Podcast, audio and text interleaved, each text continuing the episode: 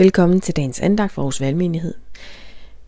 Vi fortsætter læsningen fra Johannes evangeliet, og øh, i dag læser vi fra Johannes kapitel 17, vers 20-26. Og der står sådan her. Ikke for dem alene beder jeg, men også for dem, som ved deres ord tror på mig, at de alle må være et, ligesom du, far, i mig og jeg i dig, at de også må være i os, for at verden skal tro, at du har udsendt mig. Den herlighed, du har givet mig, har jeg givet dem, for at de skal være et, ligesom vi er et. Jeg i dem, og du i mig. For at de fuldt ud skal blive et, for at verden skal forstå, at du har udsendt mig og elsket dem, som du har elsket mig. Far, jeg vil, at hvor jeg er, skal også de, som du har givet mig, være hos mig, for at de skal se min herlighed, som du har givet mig, for du har elsket mig, før verden blev grundlagt. Retfærdig far. Verden har ikke kendt dig, men jeg har kendt dig. Og de har erkendt, at du har udsendt mig.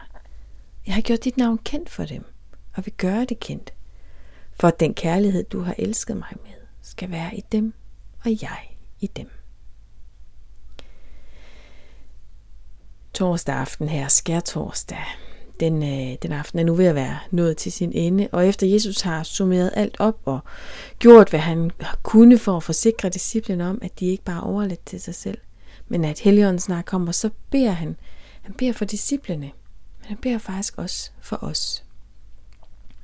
Han beder for disciplene, og han beder for alle dem, der er kommet til tro, som følger disciplenes ord. Og allerede lige her er der grund til at stands op. Jesus beder. Han bringer os, han bringer dig, frem for sin himmelske far. Vi lægger faktisk Jesus på hjerte. Han er ikke ligeglad. Han elsker os, og han minder sin himmelske far om os, om dig, at du ikke er lige meget, eller bare en i mængden. Jesus beder for dig. Og jeg kan mærke, at jeg bliver helt glad og rørt over det faktum. Men hvad beder han så om? Han beder om enhed. Den enhed, som Jesus har med sin himmelske far. Fordi med afsæt i den enhed, der får Guds kærlighed krop. I Jesus får Guds kærlighed et helt konkret, synligt udtryk og aftryk. Og vi ser det i den måde, som Jesus mødte mennesker på. Vi ser det på korset. Hvor Jesus betalte gælden. Han gjorde rent bord så vi med hans død opstandelse nu har direkte adgang til Gud. Enhed. At vi må være bundet sammen, på samme måde som Jesus er bundet sammen med sin himmelske far. Men bundet sammen af hvad? Af kærlighed. Af en dyb, dyb kærlighed, der ikke lader sig forstå, men som førte Jesus til i lydighed at gå i døden for os. Og det er den samme dybe kærlighed, som Jesus ønsker skal være i os, at Guds kærlighed bor i os ved troen på Jesus Kristus. Og det er den kærlighed, der hele tiden ligger og pulserer og bekræfter, at vi er elskede, og som betyder, at vi også sættes i stand til at elske, fordi Gud elskede os først.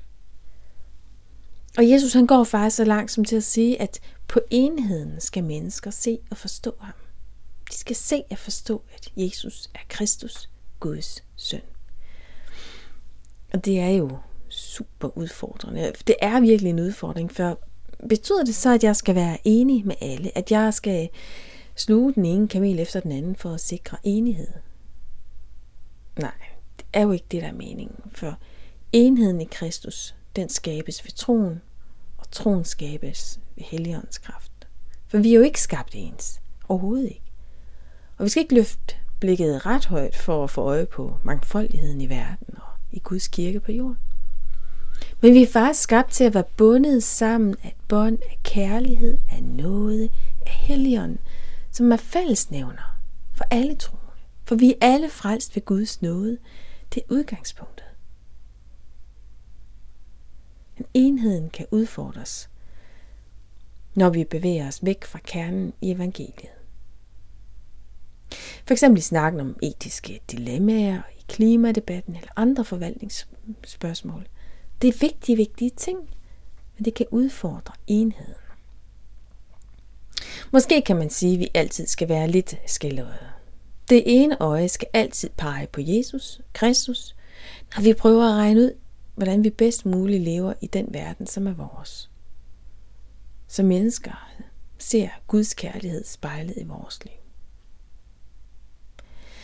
Jesus beder til sin himmelske far, at den kærlighed, du har elsket mig med, skal være i dem, og jeg i dem.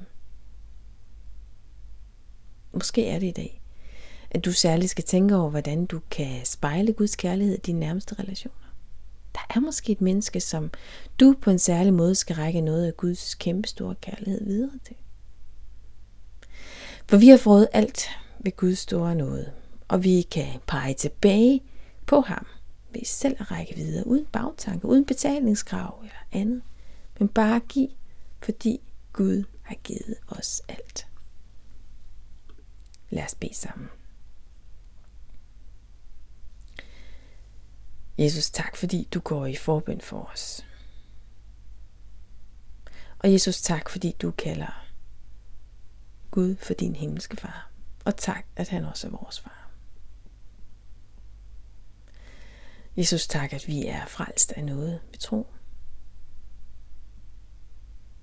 Helion, vi beder i dag, at du må fylde os, og du må sende os til de mennesker, der har brug for at foragt Guds kærlighed videre på en helt særlig måde i dag.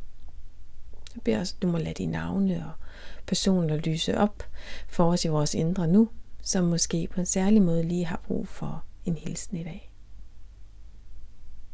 Velsign os i dit eget navn, Jesus. Amen.